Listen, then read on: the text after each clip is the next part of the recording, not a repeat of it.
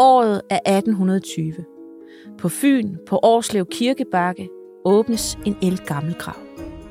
Det er ikke hvilken som helst grav. I graven ligger to skeletter. Det ene skelet har ikke fået noget med sig til det hinsides. Men det andet skelet er begravet med en masse gravgaver. Overdådige og eksotiske gaver, som blandt andet stammer fra det østlige Middelhav og egnene omkring Sortehavet.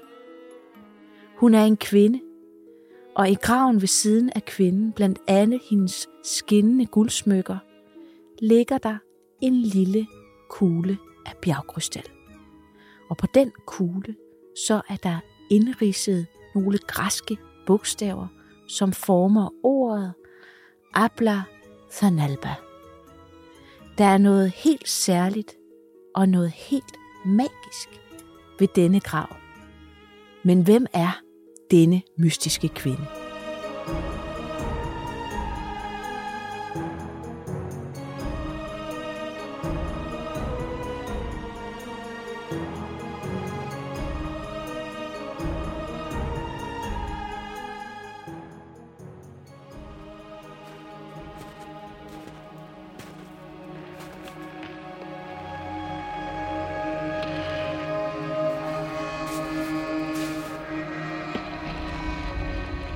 Velkommen til Varebergs Danmarks Historie. Mit navn er Jeanette Vareberg. Jeg er museumsinspektør, arkeolog og forfatter.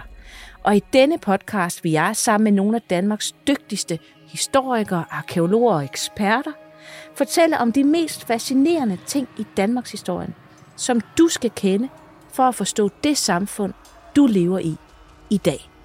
Og denne sæson kommer til at handle om mine absolut yndlingshistorier. De historier, som jeg ikke kan lade være med at fortælle min familie om ved middagsbordet og underholde mine venner med over en øl.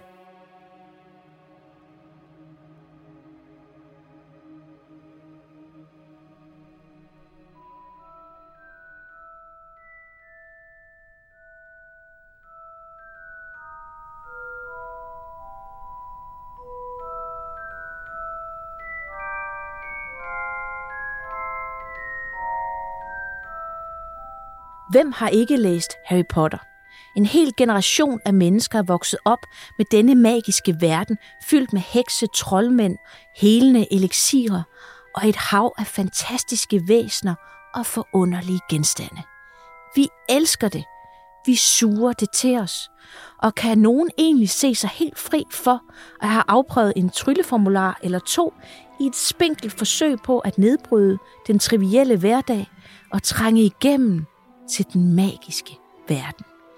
Måske med en lykkemønt i lommen eller et bank under et bord. Ja, jeg kan i hvert fald ikke. Men hvor kommer alt det fra? Er det bare god fantasi og levende godnathistorier, eller har Harry Potter rødder i noget, der er virkeligt?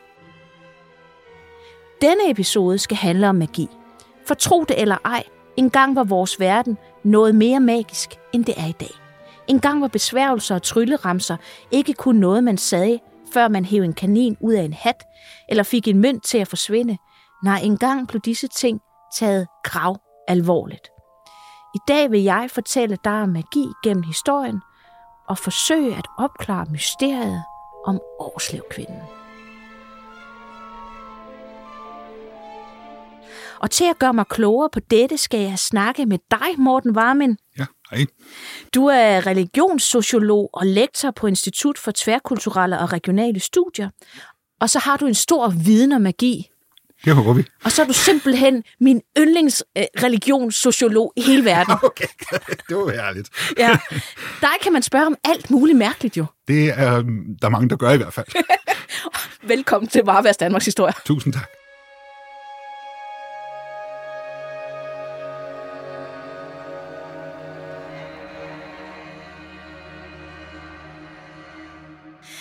Morten, må jeg spørge dig, om du udøver magi i hverdagen?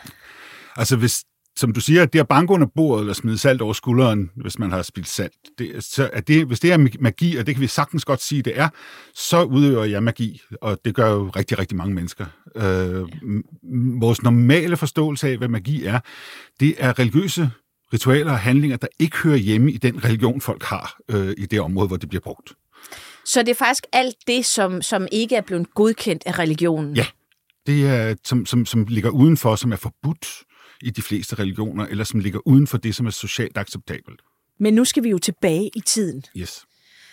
I starten af afsnittet, så beskrev jeg den her mystiske kvinde, som var begravet med en krystalkugle, og som blev fundet på Årslev Kirkebakke på Fyn i 1820. Altså, hun er jo sådan en skikkelse, som står i de her fortidens tåger. Så kan vi prøve at få malet hende lidt frem? Ved vi noget om, hvor hun kom fra? Nej, det, øh, det gør vi vel ikke, men øh, det, der er jo ikke nogen knogler, har jeg forstået, så der er ikke noget strontiumanalyse at lave. Så øh, må man gå efter genstandene, og, og den øh, genstand, du nævner, den er jo klart ikke herfra. Øh, den lille krystalkugle med de græske bogstaver øh, og det græske trylleord, det er jo, det er jo en magisk genstand. Øh, hun er med der. En, øh, en genstand, som har kunnet noget. Øh, en hver, der har set den, ved også, at den har en, en ualmindelig stærk tiltrækningskraft, den lille, den lille kugle. Ja, fordi hvis man kigger på hendes grav, det er jo rigtigt nok, hun er udgravet i 1820, og dengang så, øhm, og det her gør virkelig ondt for en arkeolog at sige, men dengang så regnede man ikke knogler for noget af noget værdi, så enten så blev de bare gemt væk i en kasse, uden at skrive på, hvilken grav de kom fra, eller så blev de simpelthen smidt ud. Ja. Og det du siger med strontium-isotopanalyse, det er jo, hvor man kan bruge knogledele til at sige noget om, hvor man er vokset op henne. Mm. DNA kunne have fortalt os noget om, om, om øh, hendes udseende, og mm. også nogle af de karakteristika, hvor hun kom fra. Ja. Så, så det er væk. Ja. Så vi har kun genstande, og det er en utrolig rig grav, og hun har blandt andet haft en kjole med besætninger af øh, guld, guldbesætninger, hvor det er mm. løvemasker, hvor der hænger agater under, okay. som er faktisk fine romerske fruer i det ja. østlige middelhavsområde, ja. Ja. Ja. går sådan klædt. Ja. Og det gjorde man altså ikke på Fyn på det her tidspunkt. Nej, det lyder som om, hun er en tilrejsende, øh, måske tilgiftet øh, person, som ja. kommer sydfra. Og har jeg også en meget fin romersk mm. sølvske, ja. som peger mod, måske omkring Sortehavet, men vi kan, og det østlige Middelhav. Mm. Men den her kugle, som vi snakker om, krystalkuglen, kan du beskrive den lidt mere indgående? Hvordan ser den præcis ud? Ja, det er en lille kuglerund bjergkrystal, altså meget, meget imponerende kuglerund, med en indskrift, hvor der altså, som du står, som står, som du sagde, Abla Thanalba, øh, og T-taget, og det er altså græske bogstav TH, det, det er jo det er så udformet fuldstændig cirkulært, og og, og den vandrette streg i cirklen i T-taget, den, den får, gør, at T-taget faktisk minder om en lille billede af kuglen. Ikke selve stregen ligner indskriften, og, og tiltaget ligner kuglen, som får den her underlige dobbeltunivers, og det er en meget, meget smuk indskrift. Det er egentlig forbløffende, at, at der formentlig er en stavefejl. For der, ja. det skulle nok ikke have stået Abla Alba, der skulle nok have stået Abla Alba. Altså, der mangler et na. Øh, fordi hvis der står Abla Alba, så er det for det første et kendt trylleord, for det andet jo et palindrom. Altså et ord, der kan læses forfra og bagfra. Men nu, nu, ja. står der, øh, nu står der altså Abla Alba. Det må vi jo så konstatere. Og der er jo også det med kuglen, at den spejler verden. Ja, det gør den selvfølgelig også. Alting ser, ser, står på hovedet bag, på, bag ved en. Så det er også et optisk fænomen ja. i den her kugle, ja. hvilket jo er, er, er meget, meget øh, usædvanligt at finde. Mm. Altså, nu er jeg jo Fynbo, så jeg mener jo, at Fyn er verdens navle, men, men jeg ved jo også, hvis jeg træder ud af det, at det er det nok ikke. Vi er jo i periferien, hvis man mm, bruger sådan udtryk, det må man sige. Ja, af hvor ja. det her, det, det florerer. Mm. Øhm, og den er jo fra, fra 300-tallet, mm-hmm. så vi er sådan i uh, det, vi kalder romersk jernalder, og det kalder vi jo romersk jernalder, fordi romerne ligesom var de dominerende. Ja. Og de her Abla Nathan Alba, det er jo nede i romeriet af alt det her bobler med magiske ja. ramser. Ved vi, hvad det betyder? Altså, det er jo et, et, formentlig et, et, uh, semitisk ord, aramæisk, øh, hebraisk. Øh, aramæisk, det var det sprog, som aramæisk, Jesus talte. Aramæisk er det, man taler i Palæstina på Jesu tid, ja. ja. Altså, hvor, man, hvor, man, øh, hvor, hvor, hvor, hvor hebraisk er gået af brug, det er, blevet det, det er blevet noget, der svarer til vores tids latin i Romerkirken, altså noget, man taler for, for, for som, som den, den religiøse sprog. Okay. Så, så Jesus kunne godt tale hebraisk, får vi at vide, men han, men han taler aramæisk, for det er det, folk taler på ja. det her, i det her område. Så taler de også græsk for det taler man i hele det østlige romerige. Så, så man har altså mindst to sprog, et lokalsprog og så et fællessprog. Ja øh, men, og, og nok ikke latin øh, der. Og, øh, og der, der har man så, øh, så har man altså forstået det her navn, og, som, øh, og jeg er lidt usikker på, hvad det er, det betyder. Øh, og jeg tror heller ikke, man er 100% sikker på det. Der er ikke men, nogen, der vil lægge hovedet på blokken. Nej, men det er sådan et eller andet positivt ord, med, med og ordet for far indgår formentlig i det, øh, ja. øh, i, i den forstand. Du er vor fader, du er eller vor fader, sådan ja, noget i den stil. Noget i den stil, ja. Men det, er... men, men det, er ikke, det er ikke ordets betydning, der gør, at det kan bruges til magi. Det er faktisk i virkeligheden det, at man ikke ved, hvad det betyder, der gør det magisk. Fordi som jeg sagde lige til at starte med, så er magi religion, der ligger, der er en anden religion end den, man udøver. Men, men altså, andre, andre religioners guder er ligesom mere mægtige end ens egen. De har, de har kræfter, der ligger ligesom under det lag eller over det lag, hvor ens egen normale religion den fungerer. Og så kan man bruge de fremmede ord til at, at gøre det rigtig, rigtig magtfuldt. Vi kan jo konstatere at formentlig, at den person, der har indridset det navn, ikke helt kunne stave. og det er sådan lidt ærgerligt, men, men vedkommende kunne sandelig ingravere, fordi det er meget, meget flotte bogstaver. Ja, og det er jo græsk, og det er også derfor, at vi kan sige, at hun formentlig måske kom fra det østlige Middelhav, fordi ja. det er ikke en latin, latinsk indskrift, det er en græsk. Ja, men det er en græsk, men det er stadig et ord, som ikke bliver brugt i normal græsk, så det er stadig et magisk ord. Øh, også, og, og på aramæisk vil det også være et magisk ord, sandsynligvis.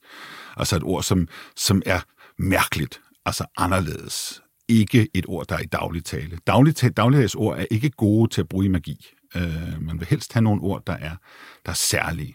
Og der, derfor der er uh, abra, uh, abracadabra ja, er jo uh, lidt i samme boldgade, ikke? Ja, og formentlig er Braxas øh, omtolket af, af nogen. Uh, det er i hvert fald en af de teorier, der er om selve ordet abracadabra. Ja, og nu, nu siger du Abraxas. Ja. Fordi det er jo en guddom. Ja. Er det, en, er det sådan en magiker-gud?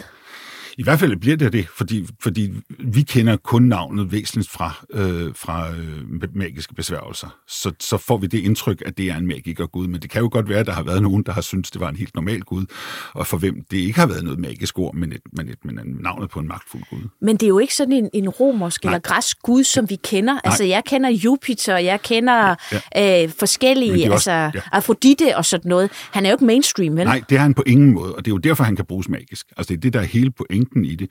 Han, han, øh, han, han, øh, han er fremmed. Navnet virker fremmed. Det har en god lyd. Jeg tror, det betyder faktisk også noget, at det har sådan en, en, en, en, en rullelyd af abracadabra, abraxas. Man, man kan næsten høre, at der sker noget, når man siger det. Ja. Øh, så, så hvad hedder det? Øh, det betyder altså også noget. Men et eller andet sted kan der godt have været en enklave af folk, der har haft ham som normal gud på et tidligere tidspunkt. Altså så har han overlevet som, som ord. Mange guder overlever som ord. Hvordan, hvordan ved, ved vi, hvordan han ser ud? Nej, det gør vi ikke. Øh, mandlig. Så vi kan sige noget om ham. Altså hans anatomi kan vi se noget om, men det er det hele. Øh, sikkert en mand i sin bedste alder, fordi det er de fleste øh, mandlige guder, hvis ikke de er lidt børn eller unge mænd. Øh. Så, så det vi egentlig kan sige om den her uh, krystalkugle, som man støder ind i i starten af 1800-tallet, mm. så rammer man faktisk direkte ned i, i øh, sådan et magisk univers, ja. og, og hvor man også har haft en, en guddom, mm-hmm. Abrasax, mm-hmm. som, øh, som man har på en eller anden måde tilbedt, eller man har brugt ham i de magiske ritualer, man mm-hmm. har lavet mm-hmm. nede i Romeriet. Mm-hmm. Men jeg kommer jeg til at tænke på, at du omtaler alle de ting, hun har fået med som gravgaver. Jeg spekulerer på, om, den, om det ene skelet, det andet skelet ikke også var en gravgave. Jo, jo. Altså, det var sandsynligvis en slave. Ja. Men der skulle vi ligesom have knoglerne på plads, for ligesom at kunne se det. Ja, det er klart. Fordi hvis de nu var i familie med hinanden, vi har før arkeologer har før sagt, at det er en slave, der ligger ved siden af en, en herre eller en kvinde, som, og så finder man ud af, at det er mors søn. Så, ja, men vi skal være forsigtige. Ja. Det er fuldstændig rigtigt. Øh, kan jo øhm. aldrig sige noget med fuld sikkerhed. Vel? Nej. Så genstanden kan jo flytte sig. Det kan jo være, at hun er, har været iklædt en meget fin gave fra en romersk øh, mm. kon, kon, kontakt eller sådan noget lignende. Ja. Øh, men, men, øh, men det kan jo sandelig også godt være, at hun selv er en del af en udveksling. Øh, Præcis. I og hvorfor har hun så den her kugle med? Hvad, hvad, hvad har hun brugt den til? Altså, det mest indlysende er, at det er en beskyttende genstand, altså det vi kalder en amulet. Øh, altså en genstand, som kan afværge ondt. Og hvis hun virkelig er blevet udvekslet til en eller anden person fra Fyn, så har hun, så har hun haft behov for beskyttelse og været bange. Og øh, alt, alt, alt, har, været, alt har været velkomment. Så, øh, så, så, så, at det, det er for at beskytte hende mod fynboerne. Mod, mod, mod fynboerne, og i hvert fald deres guder og deres, øh, deres forskellige øh, kunster. Ja, man kan aldrig vide. Okay, super. Jeg skal lige have et halvt minut til at samle mig. Okay, og det synes, jeg, da, det synes jeg, der er indlysende. Hvorfor dog ikke?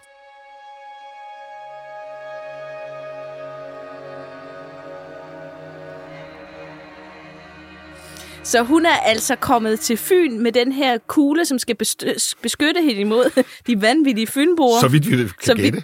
Så vidt vi kan gætte. så vidt vi kan gætte. Men jeg kunne godt tænke mig at, at komme omkring, mm. sådan ligesom for at se, hvor har hun, hvor kan hun være kommet fra, og hvad er det for en tro, hun bærer med sig, hvad det er for en betydning, hun har haft. Fordi man kan jo snakke om, at måske var Årslev kvinde, at hun kunne komme fra østlige Middelhavsområdet, og det er jo et ret stort område. Men hvis vi skal kigge på det, så kunne man måske sige, at hun kunne komme fra Ægypten ja. eller de områder, fordi vi har papyrus, altså det er en slags papir, man laver af en sivplante, der vokser ved Nilen. Så laver man papyrus, og man har egentlig papyrusruller mere, end man har papyrusbøger. Man kan man faktisk ikke lave par bøger og papyrus. Det, det, det går i stykker, hvis man begynder at gøre det. Ja, så skal man i hvert fald klistre det godt op i et kodex, ikke? Men det kan godt rulles. Og, øh, og, og Ægypten havde, havde monopol på at lave papyrus. Øh, de, de fremstillede papyrus til, til hele verden øh, i Ægypten. Og det var altså et, et let og behageligt skrivemateriale. Øh, men de er også bevaret i Ægypten, så vi har rigtig mange papyri, som vi siger det i flertal for, Ja. øh, øh, fra Ægypten. Og der har vi jo altså netop øh, også private dokumenter, og der har vi netop også rigtig mange besværgelser fra. Ja. Og man skal forestille sig, at det her papyrus, det er, man kan faktisk se, hvordan at de her øh, planter er blevet presset og tørret og ligger i sådan et fletværk. Ja. Øhm, og er egentlig meget lækkert materiale ja. at have. Så hvis man har været i Ægypten, så er de fleste er blevet påduttet og få det med Det er hjem. rigtigt. Og det er sjovt at skrive på. Ja. Øhm, og her der har vi altså velbevaret papyri Ja. øh, fra øh, Ægypten, og vi har også noget fra omkring 300-tallet, ja. hvor netop den her grav også er fra på Fyn, Ja. og hvor Abla Nathan Alba, det optræder i den sammenhæng. Og Ja. jeg har faktisk et citat, Yes. eller en trylleramse, jeg gerne ja. vil læse højt for dig, som selvfølgelig er oversat til dansk, fordi jeg kan ikke koptisk.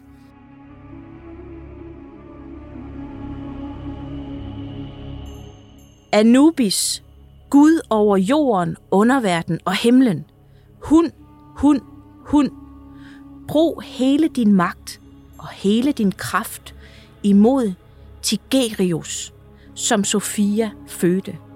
Gør en ende på hendes hårdmodighed, beregning og skamfølelse.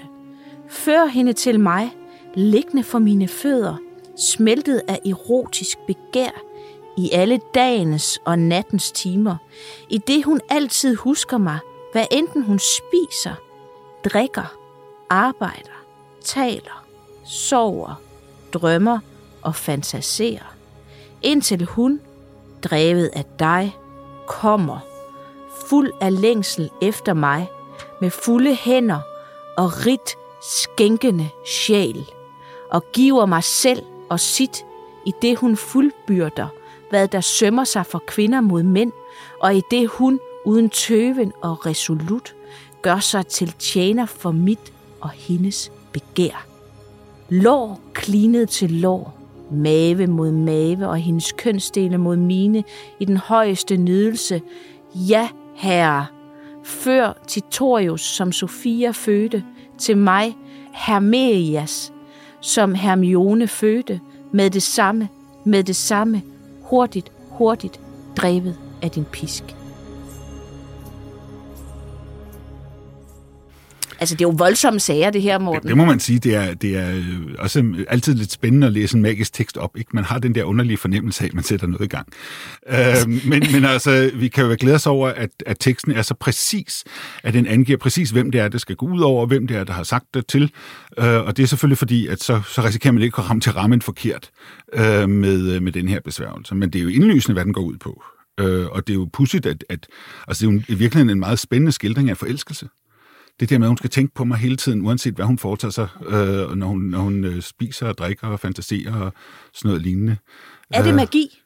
Ja, det er det jo, fordi vi, vi, øh, vi, har, øh, vi har en påkaldelse af Anubis, øh, den egyptiske dødsgud, som jo har et chakalhoved, og det er derfor, han er hund-hund.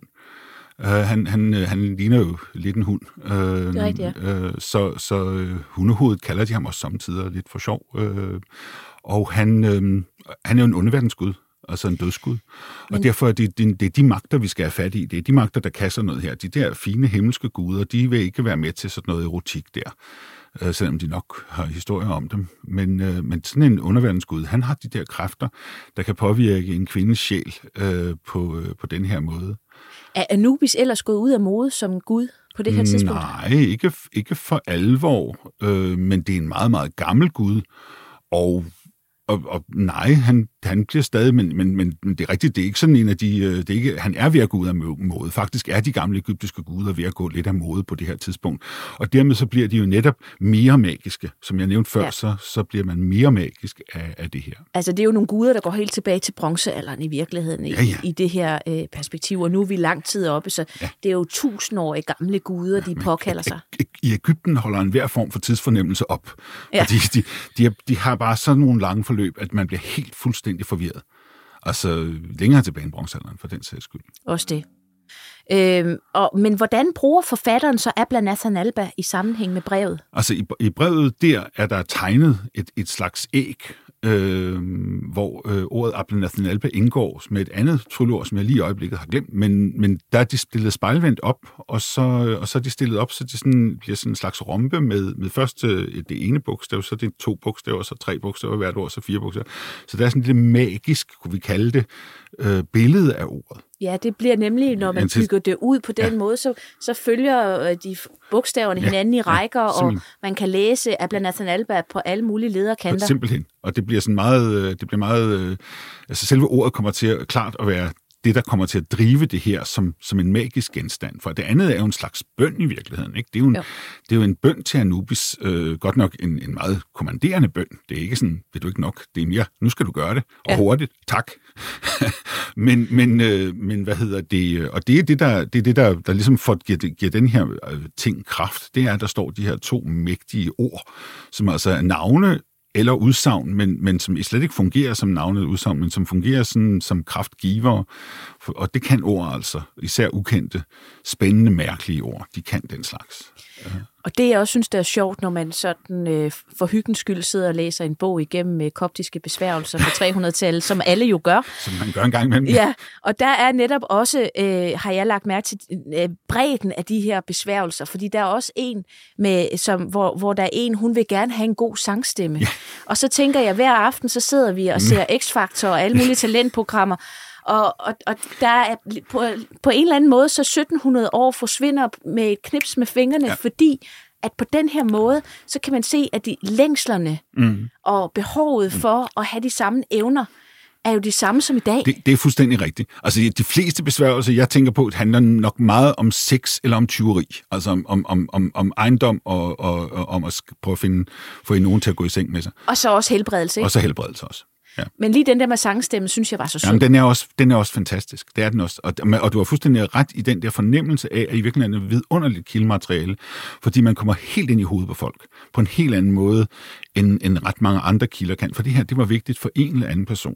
Og det var altså en eller anden person, som har betalt nogen sandsynligvis ja. for at lave den her for sig. Og vedkommende har en formular, og der indfører han så de der navne, eller hun, de der navne, øh, som sådan, at formularen kommer til at virke på de rigtige personer, og så betaler man en eller anden lille sum, og så, og så får man at vide formentlig, at man skal lægge den på hendes tøj, eller man skal øh, øh, gøre et eller andet med den øh, som er svært og indviklet, og, øh, fordi det, øh, det, de fleste magikere, der sådan, om som sælger magi, de har sådan en eller anden med, så skal det ske ved nymåne, og uden at tænke på øh, et bestemt ord eller et eller andet, således at der er en grund til at forklare, hvis det engang imellem ikke virker.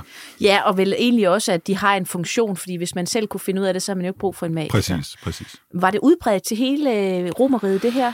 Ja, det tror jeg. Vi har nu, fra, fra, ø, fra det vestlige har vi jo ikke som nogle papyruser, øh, men vi har blyplader. Men, men så vil jeg så sige, at det er øh, nok, har nok været nogle andre guder. Altså det, det, derfor er der god, stadig god mening i at mene, at Årsløkvinden kommer østfra. Fordi øh, går, vi, går, vi, ø, går vi vestpå, så bliver det i, vest, i Romeriet, så bliver det snarere de lokale øh, keltiske guder, for eksempel, der, der står i sådan en romersk øh, øh magiske blyplade. Okay. Så, så vi kan måske godt sige, at, at der er der en mulighed for, Ja. at hun kunne komme fra det østlige romerige et kunne- eller andet sted. Det kunne vi sagtens sige. Egentlig, egentlig, altså nu har vi jo ikke hendes knogler, men, men vi taler hele vejen fra det nordlige Ægypten, og så rundt øh, alle de her chartersteder, vi gerne vil være, ikke? Ja, så sandt, der er dejligt jo. Det er der jo.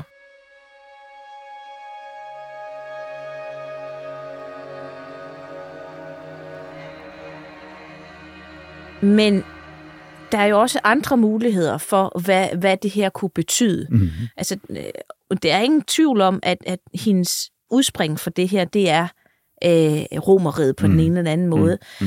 Men man kan måske lege lidt med tanken om, at Årslevkvinden har taget magien med sig til, øh, til Norden, og, og, og at den egentlig er blevet, at hun har været i hvert fald et, et tegn på, at nogle af de her tanker, der har ko- kogt nede i romeriet, har festet sig på en eller anden måde i Norden også, for vi har jo mm. senere op i tiden faktisk nogle magiske ramser på runepinde, mm. Det har vi nemlig. som, som minder om, Ja, det er nærmest, som man kan blive forbløffet over, så, så, så meget de minder om det. Så meget, så meget den der skriftlige magi. På, det, det, det er derfor helt, at den ligner øh, det fra Middelhavet. Det, det er derfor helt rimeligt at gå ud fra, at der er en eller anden form for overførsel af en eller anden art. Ligesom alfabetet jo, også runerne, må jo også skal overføres til Norden. Øh, præcis. Men hvis vi går tilbage i, i 1300-tallet, mm. nu er vi jo middelalderen, ja, ja. Og nu er vi kommet langt op. Nu er vi rykket tusind år frem i tid. Ja.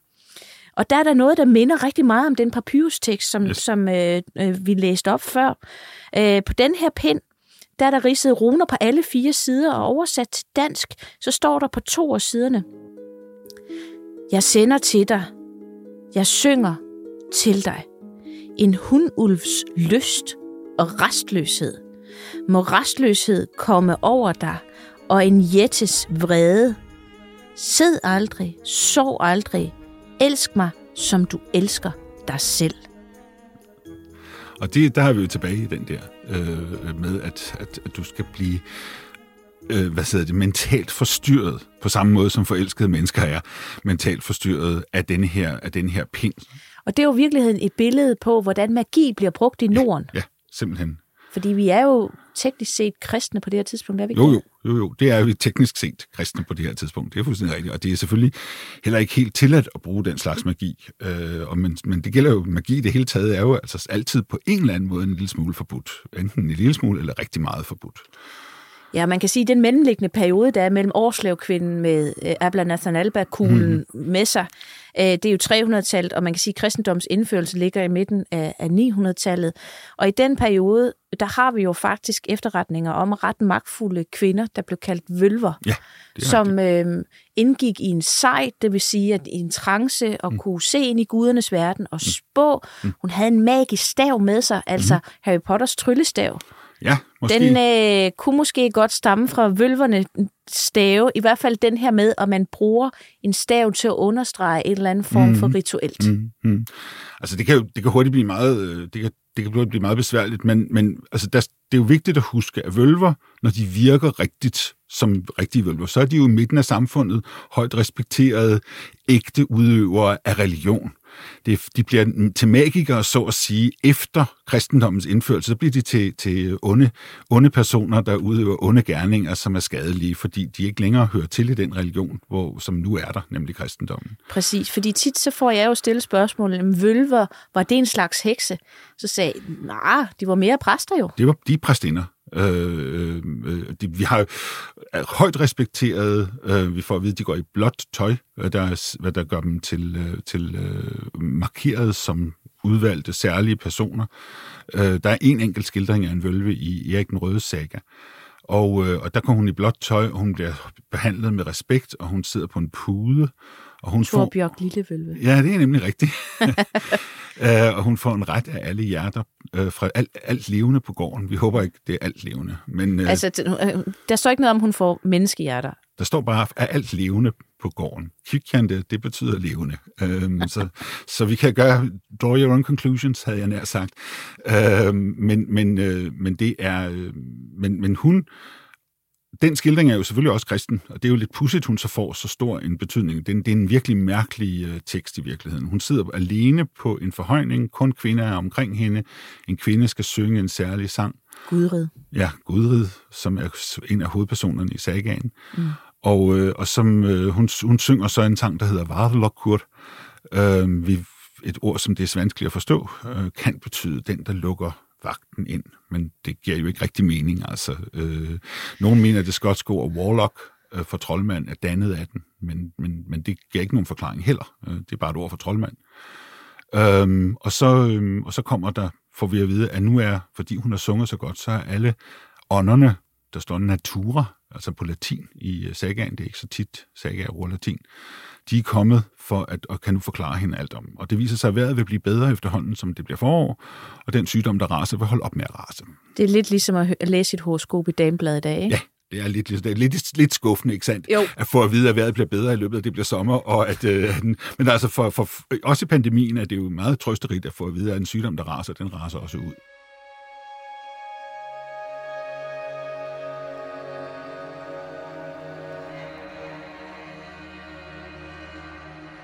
Vi har bølger og sådan ja, noget at kigge det, på. Det, det, det. Og det er jo også det, altså, jeg kan jo ikke lade være med at spørge, om, om Årslev-kvinden, kunne hun have været en vølve? Jamen, så skal vi jo til at forstå hendes udstyr som noget, hun har fået, fordi hun skulle være anbragt i en særlig høj position, og, og at nogen har haft eller fået det her fine romerske udstyr, som, som altså har virket helt fantastisk.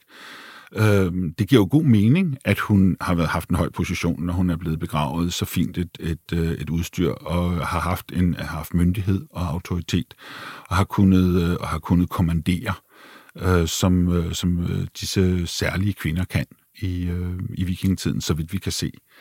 Øh, det, er, det, er, det er helt rigtigt. Ordet for, for vølve er jo dannet af ordet for stav, vøller, øh, så det er altså en stavholdende kvinde i virkeligheden. Og så vil jeg sige igen Harry Potter tryllestav, Ja, ikke? ja. Der er jo noget omkring det. Ja. Men man kan jo også øh, komme til en sidste overvejelse omkring, hvem Årslev-kvinden har været. Fordi det ligger måske lige til at sige, at hun kunne måske have været en af de første kristne, der var kommet til Norden. Fordi senere i Norden, øh, der findes også magi blandt kristne jo. Mm, det gør det jo. Og i 1600-1700-tallets Danmark, og her har vi for eksempel skelettet af en rev, som hang i en kostal på Fyn. Øh, Det skulle nok være nogle af mine slægtninge, det skulle ikke undre mig. Der har Der, haft var, den der, kom, der kom så. Fyn igen. Ja. Ja, og skulle forhindre, at køerne fødte for tidligt. Men vi har også eksempler på mere religiøse besværgelser, for, som for eksempel kristne amuletter. Og på en gård på Sorø og Egen blev der i et brev i 1600-tallet, øh, som er foldet sammen og boret ind i en egestolpe, skrevet noget i retning af det her. Ud i vor Herre Jesu Kristi navn forbyder jeg alle sine og troldmaner at skade disse tvene Jesu Kristi tjenere, deres mælk eller kvæs nød og gavn, at de ikke mere skal bekomme deraf, end djævlen bekom af Maria Kristi moder hendes mælk. Hvad har vi med at gøre her? Altså, det er en, en ondt afværgende besværgelse, øhm, og den minder jo igen i, i sprog og tone om, om de andre. Der, der, der synes at være en, en ganske klar måde, man skriver sådan nogle besværgelser på. Kommanderende, bydende, øh, uden nogen... Øh, altså, der er ikke nogen med please, undskyld, og må jeg ikke nok. Det er, det er, en, det er en, en besværgende klar tone. Altså, man skal tage fat og styre den Ja, kraft. man skal tage fat i at styre den kraft, og det er Men det- vigtigt. Det, og det sker den- med autoritet. Og det er vel også, fordi den er farlig? Ja, det er fordi, den er farlig.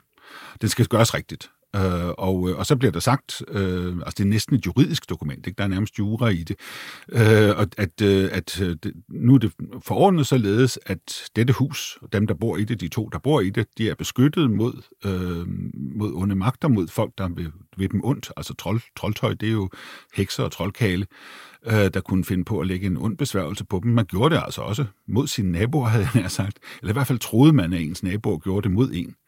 Og det har jo været ting, der skete, som man ikke helt kan forstå. At smøret pludselig ikke vil, mælken ikke vil blive til smør. At, at øh, det, den, den er ret typisk. Det er sådan, at det, mit, mit, smør vil, mit smør vil, det vil ikke, det vil ikke kernen. Øh, sådan nogle ting. Det er sådan noget, man, man, bliver, man tænker, der må være nogen, der må være nogle kræfter. Eller at køerne pludselig falder døde om i, i stallen. Ikke? Det sker jo også øh, en gang imellem. Øh, og det, den slags ulækker, det kan ikke være naturligt. Nogen må have gjort det, og så ser man sig om. Og sådan en der beskytter mod det. Øh, og, og den der med, at så har vi en lille historie, og det er jo ikke en historie fra Bibelen, at djævlen ikke fik noget af Marias, mor, øh, af Marias mælk. Men ideen er, at det gjorde han selvfølgelig ikke, og derfor så får de ikke mere af det, end djævlen fik af Marias mælk, nemlig ingenting. Men så får vi samtidig nævnt, at, at Maria som den beskyttende faktor i det her. Så det får mig jo til at tænke på, at, øh, at de kristne også bruger magi. Men hvad er forskellen mellem kristendommen og magi? Altså, for det første har kristendommen jo et, et klart, en klar dogmatisk, præcis måde. De har en trosbekendelse, noget man skal tro på, noget der er, er så at sige fastlagt. Og det vil sige, at magi bliver værre i mange henseender jo. Øh, det bliver meget under øh, end, end, end, end den form for magi, vi ser i Middelhavsområdet, hvor det, det er sådan lidt ligesom at gå over for rødt, ikke? Altså, øh, så bliver det så en, at begå mor i stedet for. Fordi man, man skader ikke kun sig selv, men hele samfundet. Man gør Gud vred, øh, hvis man bruger magi. Ja, for man skal jo ligesom forstå det her med, kristendommen er jo egentlig en lille sekt, mm. der, der øhm, er, er blandt rigtig mange forskellige mærkelige trosretninger. Ja. Det er kæmpe store romerige. Det er fuldstændig rigtigt. Og der, og der er jo religionsfrihed. Altså hvis du offrer til, til Rom og kejseren, og for alles bedste, så må du sådan set gøre, hvad du vil. Ja. Basically. Basically. Så længe du ikke øh, myrder nogen, eller altså, medmindre du ejer dem selvfølgelig, så må du godt myrde dem. Ja, altså slaveejer, ja, ikke? Præcis. Og, og man må heller ikke udøve for meget ond magi, øh, altså onde okay. besværgelser, så kunne man godt blive brændt. Ja, det Især hvis det var imod kejseren, ikke? Ja, ja. Så der var lidt nogle regler. Ja. Ja, den kejser, der hedder Konstantin, han bliver kristen, det er i 312, så han, den 314 er det helt sikkert, at kejser, Konstantin er, er kristen. Og jeg vil sige, det er jo morsomt med hensyn til magi, så har han faktisk, så, så, så prøver han på at begrænse magi, netop fordi han bryder sig, de kristne bryder sig ikke om det. Men der er en lov, hvor der står, at helbredelsesmagi, det er et stadig tilladt, og øh, det magi, som sikrer, at vejret er godt nok til høsten, det er, det er også i orden. Så, han er en praktisk mand, ikke? En praktisk mand, netop. Altså, så, så der går lidt tid, før det, sådan, øh, for der bliver slået rigtig, rigtig hårdt ned på det. Men det er fuldstændig rigtigt, at, at, den, også, at den kristne helhedsforståelse af det her, den gør jo altså, at magien, som jeg siger, bliver under. Den, det, bliver, det bliver mere mere, det bliver mere kosmisk, en kosmisk kamp. I virkeligheden kan man sige, at man køber hele den der idé i magien om, at man er i gang med at, øh, at, at, at, at, at, at bruge kosmiske kræfter. Og man tror i, måske i højere grad på det, end de romerske øh, officials så troet øh, på det. De har tænkt, nej, det er sådan noget, folk gør, og så kommer de med sådan en besværgelse. Det er ikke farligt. Men for de kristne er det farligt, fordi man altså piller ved nogle universelle kræfter. Når man begynder at tiltale underverdens guder, så er det virkelig farligt, det her. Altså, som jeg sagde, forskellen på at gå over for rødt og begå mor, ikke? det er sådan lidt, øh, det bliver brygger i, i, øh, i den forståelse, man har af de romeriden. Så, så egentlig øh, beskrivelsen af magi som noget ondt og noget farligt, det kommer med som noget meget ondt ja. og meget farligt. Vi tror, det er mere graden af det. Altså fra at være socialt uacceptabelt til at være decideret farligt for hele samfundet som sådan. Ja, det er, en, det er nok noget, som vi først ser med, øh, med kristendommen som sådan. Men altså selvom at, øh, at kristendommen egentlig siger, at magi er, er, er forbudt, så er der jo alligevel nogen, der der bruger det. Ja, ja. Det, det, er, jo, det er jo ikke sådan, at man, man kan jo ikke bestemme over folk. Man kan give dem, øh, man kan give dem nogle idéer i hovedet, men, øh, men det gør det jo næsten, altså det gør jo næsten kun ved magien mere kraftig, at den, at den pludselig er så ufattelig ond. Øh, så bliver den jo faktisk stærkere. Ja, det, det er faktisk rigtigt. Og, og noget af det, som, som man heller ikke kan lade være med at, at, at tænke over, det er, at øh, der faktisk, altså i de kristne kirker i dag, der bruger man vel egentlig nogle magiske ritualer, gør man ikke det? Altså hvis du tænker på, at, at, at, at, at, man, når man, at, at den kristne, den, de, de kristne ritualer bliver brugt i magi, sådan vil jeg hellere sige det. Ikke? Altså, hvis, når, når, den, når man på latin siger, dette er mit læme under nadveren, det er jo ordene, som bliver til hokus pokus, i, øh, i, i, når tryllekunstneren bruger det. Kan og det er hoc est corpus meum, ja. dette er mit læme. Og, øh, og, så, og så, bliver, så, så forvandler jo en kiks sig til Kristi læme i den katolske tro. Øh, der sker altså en rigtig forvandling. Ikke? Man kan sige, at man lægger det ned i en dims, og så lægger man en klæde over, ringer med en klokke, siger, det der er mit læme, tager det fra, og så er det forvandlet.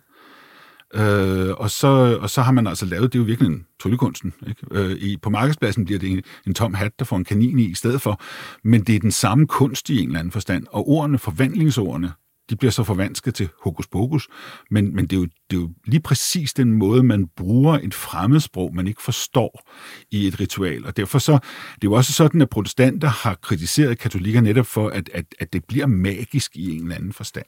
Øh, og at det er jo altså forkert. Man skal jo ikke have magi i kristendommen. Det må man jo ikke øh, som sådan. Men det er der.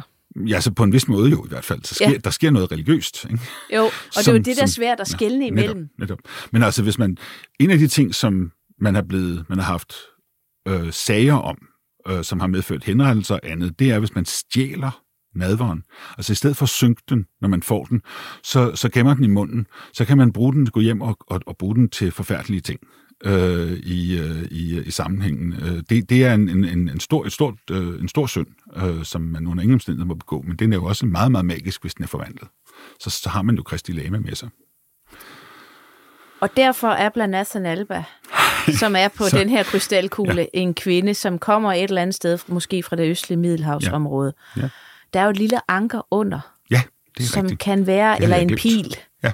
Øhm, og, og den kan jo egentlig hvis man holder fast i det anker, så er det jo et af de tidlige kristne symboler. Det er det. På. Så kan hun være kristen? Det kan hun da godt. Altså, det vil være dumt at udelukke det.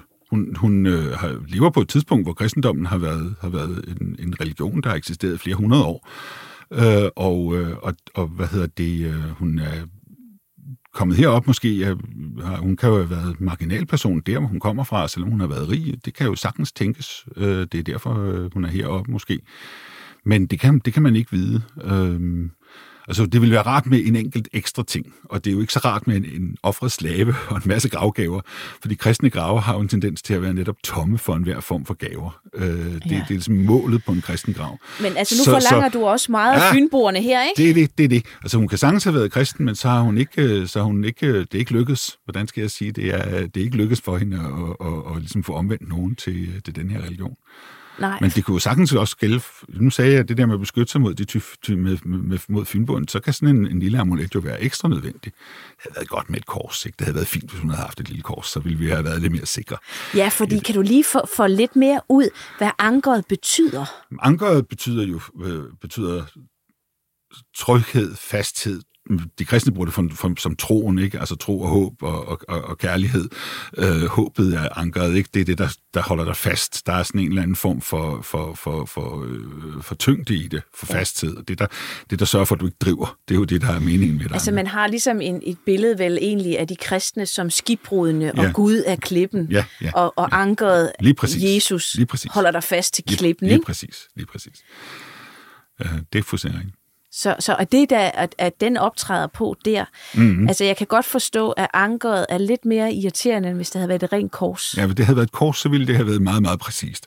Men det ville man, man nok ikke have sat et kors under Ablathan Alba. Nej, fordi at Ablathan Alba, det er jo ikke sådan... Nej, det er ikke helt, det er ikke stuerent. Og der, der, allerede her i 300-tallet, ja. så begynder det faktisk at være et ord, som de kristne udelukker, ikke? Jo, det er fuldstændig rigtigt. Altså netop fordi vi ikke må bruge magi.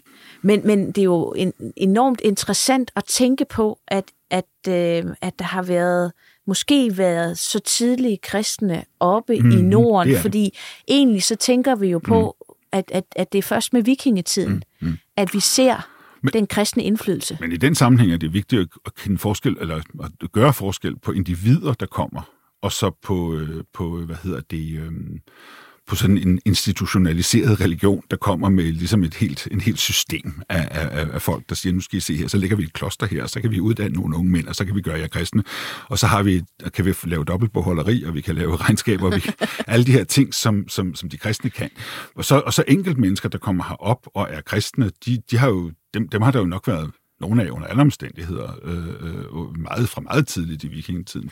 Man kan så også sige, at øh, Årslev-kvinden, hun er jo også fra en tid, hvor kristendommen er meget ung. Ja, ja. Så det der med at sætte det... Jeg, jeg siger det, jeg ved godt, du, du skal ansigt af mig nu, Morten, og det gør du, fordi at jeg som arkeolog, jeg ser helst tingene i 10.000 års perspektiv, ja, det er det, ikke? det er det. Men hvis noget er 200 år gammelt, så er det altså ikke ungt. Jo, Nej, det... minimum 1000 år, så kan vi begynde at snakke om det. Anubis, han er gammel. men, men så kan man sige, så er det romerske kejserige også ungt på det her tidspunkt, for kristendommen er nøjagtigt så gammel som det romerske kejserdømme.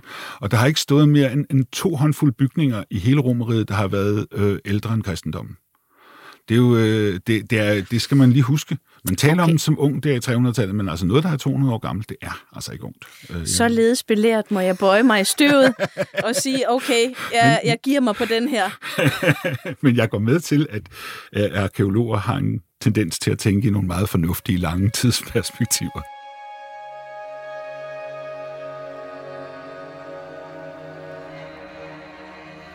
Øh, hvis vi skal afslutte med et bud på, hvem Årslev-kvinden var, øh, tror du så, at hun var magiker eller abrasaks øh, tilbeder, vølve eller tidlig kristen?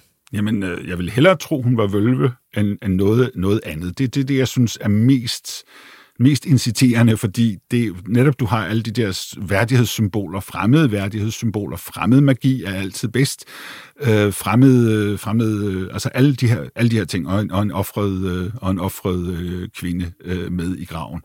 Det synes jeg er, er, hvis det er det, det synes jeg er et, er et godt tegn på en, øh, på en vølve. Men der, hun mangler jo en stav øh, igen. Det er jo sådan lidt ærgerligt. Øh, det, det, er, det er sådan, ah, hele tiden tænker man, ah, hvis det endelig skulle være helt, så ville man have det sådan. Altså, hvis vi kunne teleportere os tilbage til 1820 og med, med til den her udgravning, så Ja. var der et par ting, vi sagde, de skulle holde øje med, ikke? Ja, ja, men sådan er det jo altid. Og sådan vil de sikkert også sige om jer i, om, om et par Det tror jeg ikke. Det Nå, tror jeg ikke. Ej, det, I, I gør det rigtigt. Det gør vi. er Nu har godt. vi styr på nu det. har I styr på det. Jamen, det er godt.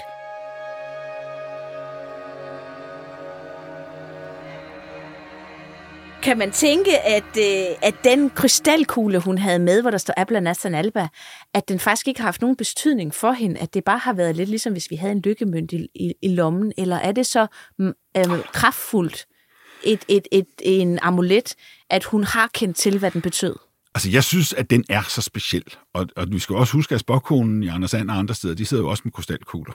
Øh, den der, altså selve kuglen er så, og som du også sagde, den er et lysfænomen og et visuelt fænomen, som jo har været specielt på, tid, på tidspunktet. Øh, så jeg, jeg tror ikke, den kan have været betydningsløs, men jeg synes, det er en meget godt spørgsmål. Jeg synes, det er et spørgsmål, vi altid skal stille os, fordi har, vi har en tendens til hele tiden at lægge betydning i alting, for vi, hvad vi har, og det, det skal vi jo passe på med. Altså, det kan jo hurtigt blive, øh, at vi giver alting en stor betydning. Men vi er jo symbollavede væsener. Det er vi, men vi er også folk, der omgiver os med symboler, som, ikke, som, som, som vi ikke selv forstår, og som ikke har den store betydning for os. Altså, Men, men øh, magien som sådan forsvinder jo i 1600-1700-tallet fra os. Hvad sker der der? jamen, altså, øh, ja, i hvert fald forsvinder den fra det offentlige, officielle lag, og forståelsen af magien i 1600-1700-tallet bliver, bliver, den bliver skubbet nedad, kunne man sige. Fordi der er jo stadigvæk, det er stadigvæk i, i, i 1600-tallet i høj grad forbudt at bruge magi i Danmark, øh, og, men det bliver mindre og mindre øhm, klart, at det er noget rigtigt, men snarere noget, der måske er frægt, altså noget, noget, noget, noget dårligt. Og i løbet af 1800-tallet forsvinder magien jo fuldstændig som, som noget, der, der har nogen som helst form for, øh, for, for en andet end noget, gamle koner tænke tror på. Altså det er en virkelig gammel kone overtro. Og der skynder man sig ud og snakker med de gamle koner for at finde ud af det, indsamler folkeminder for at, for, for, for at få styr på, hvad man troede i gamle dage. Og der bliver det jo vigtigt. Og, og nede i 1800-tallet får vi jo også romantikken, som, som jo bliver styrende for den moderne forståelse af magi. Altså ja, magien, fordi som, hvor- hvordan kom er magien blevet til det, vi kender for eksempel fra Harry Potter, som jeg startede med at indlede Ja, med? netop. Altså, hvor, hvordan er vi endt fra, at vi rent faktisk er noget, vi tror på og er bange for, til underholdning? Ja, og, og vi skal lige huske, at der stadig jo er nogen, som tror på det og er bange for det. Øh, men, men, det men det er selvfølgelig en, en relativt smal del af befolkningen. De fleste opfatter det som noget dejligt og, og spændende og magisk. Øh, men, men, øh, men, men der sker det i, øh, i romantikken, at man får den her idé om, at, at middelalderen var sådan et fantastisk, en fantastisk tid, og man får ridderromaner og øh, ingemandsromaner og historiske romaner, man får nationalismen, vores, vores fortid, man får arkeologien, er jo også en, et barn af, af, af, af romantikkens forståelse af, af nationerne, og jeg er ked af det, men det er det altså. Og Ah, øh, mon. vores, vores fortid og den fynske centralitet og alt det der. Ved samme lejlighed, så bliver jo de her teksters forståelse af de her magiske kræfter og troldmænd og med, og mørke og alkymi og alt det her, det bliver ligesom gjort til noget, til, ja, til fantasy. Altså, i virkeligheden stammer fantasy-litteraturen derfra. Ja, og man kan jo sige sådan en som Tolkien. Øh, han, han kendte jo alle de her gamle tekster, det. Han var og alt det her, vi, som vi har, har taget. Og han stjal jo med arme og ben Fuldstændig. for, Alting. for at skabe det her fantasy-univers. Ja. Så i virkeligheden kan man jo også sige, at det fantasy-univers, som jeg vokset op med, som jeg er rigtig glad for, jeg synes, mm. det er spændende og en god adspredelse, mm. det bygger jo rent faktisk på den viden, Det gør det. vi har om Det gør fortiden. Det, det gør det. Altså, det er, jeg, nu underviser jeg ret tit i nordisk øh, mytologi, og der er jo en, en, øh, en liste over dværge i det, der hedder Vølmensbot, og en af disse dværge hedder for eksempel Gandalf. Præcis. Og alle dvævne, hvis man har set Ja, Hobbiten, ja, de, de her, alle navnene, de kommer derfra. Men Gandalf, det kan vi jo oversætte til øh, en gander, det er en, en tryllestav. Det er nemlig et andet ord for tryllestav, og det, det, kan, jeg, det kan jeg bedre lide som Harry Potters slags tryllestav. Og, og, så, og det har Tolkien vidst. Ja, ja, det har han da. Og en alfer, det er jo selvfølgelig en alf. Så det betyder tryllestavsalf. Der fik vi lige lidt ekstra bonusinfo der. Ja, det kan man sige. Men det er jo magi. Det er magi. Når vi så romantiserer magien, mm. Og, og vi, vi ser det som underholdning, men egentlig som en afspejling af en, en, en, en verden, som, som er underholdende, mm. men, og, men som ikke betyder noget for mig i dag, mm. andet end det er underholdning og noget, ja. som, som er adspredelse. Er der så overhovedet noget magi, som vi bruger i dag? Altså er vi blevet øh, umagiske væsener? Nej, ikke helt. Altså, de fleste mennesker, som fisker, eller som går på jagt, eller, eller på andre, de har sådan nogle ting, de skal sige, inden de går på jagt, eller noget, noget bestemt tøj, de skal have på, eller, eller altså alle, alle, alle erhverv, der har med held at gøre, altså hvor held betyder rigtig meget, de, øh, de prøver på ligesom at, at, at, helgardere sig med, med, med remser og med, øh, med ord og med gerninger og tøj, alt muligt, som, som, øh, som og nogle gange også nogle, og kan man finde remser, der er gamle, altså i, i, i sådan nogle jægers uh, brug af, af sådan noget. Uh, men det er... Jagtmagi simpelthen?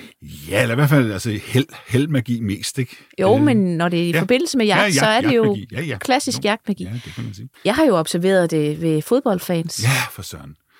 Hvis øh, man skal lige give øh, sit fodboldhold et ekstra skub, så har man den gamle beskidte trøje med, ja. hvor der bliver scoret tro- 3-0 mod samme hold sidst, og ja. den slags, ikke? Ja, ja, netop.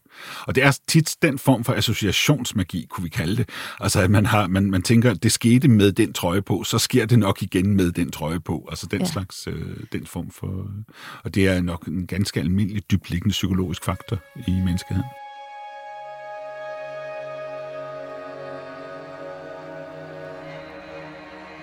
Og her til sidst, hvor jeg nu har dig, Mhm. får vi en magisk æra igen. Begynder vi at tro på skidtet på et tidspunkt? Det er jo så spørgsmålet. Det, det, det, jeg tror ikke, at det er så vigtigt, om vi tror på det eller ej. Altså, fordi det, er jo ikke, det, det hænger jo ikke sammen med noget fast trosmønster. Men det kan da godt, det kan da godt være, hvis vi begynder at lave rumfart og, og, og begynder at, øh, at få noget usikkerhed der. At der kunne man da godt forestille sig, at der, at der, at der kommer farer og, og, og usikkerheder, som bliver så store, at det bliver almindeligt. Men jeg tvivler altså på, at jeg tvivler på, at der bliver sådan en rigtig tro på det. Det vil jeg ikke tro selv. Det tror jeg ikke. Jeg er skeptiker i den sammenhæng. Og tak for det, Morten. og tak fordi, at øh, du kom med øh, ja. her ind til Varbas Danmarks Historie og ville tale med mig i dag. Altså jeg vil sige, det har jo været for mig været en, en kæmpe stor øjenåbner øh, at gå igennem den her tidlige magiske øh, verden, som det har været ved Romeriet, mm. men egentlig også få en indsigt i, hvor meget det egentlig har formet os i dag. Ja, det kan godt være. Ja. Det ligger jo som et grundlag ja. For en eller anden måde for den tro og den, den verdensbillede, mm-hmm. vi har i dag. At vi så har, har, har snedet os ud om de værste besværgelser og gjort det til underholdning, så betyder det jo stadigvæk, at magien for os engang var noget virkeligt. Mm. Mm, det er rigtigt. Fuldstændig. Så tak for i dag. Jamen selv tak.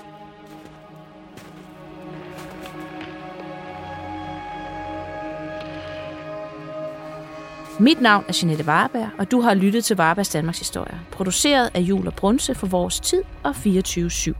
Tilrettelagt og produceret af Luna Lam og Nikolaj Sørensen. Redaktør er Lukas Francis Klaver. En særlig tak til Morten Varmen, som er religionssociolog ved Københavns Universitet. Find podcasten på 247.dk, vorestid.dk eller der, hvor du, kære lytter, normalt finder dine podcasts.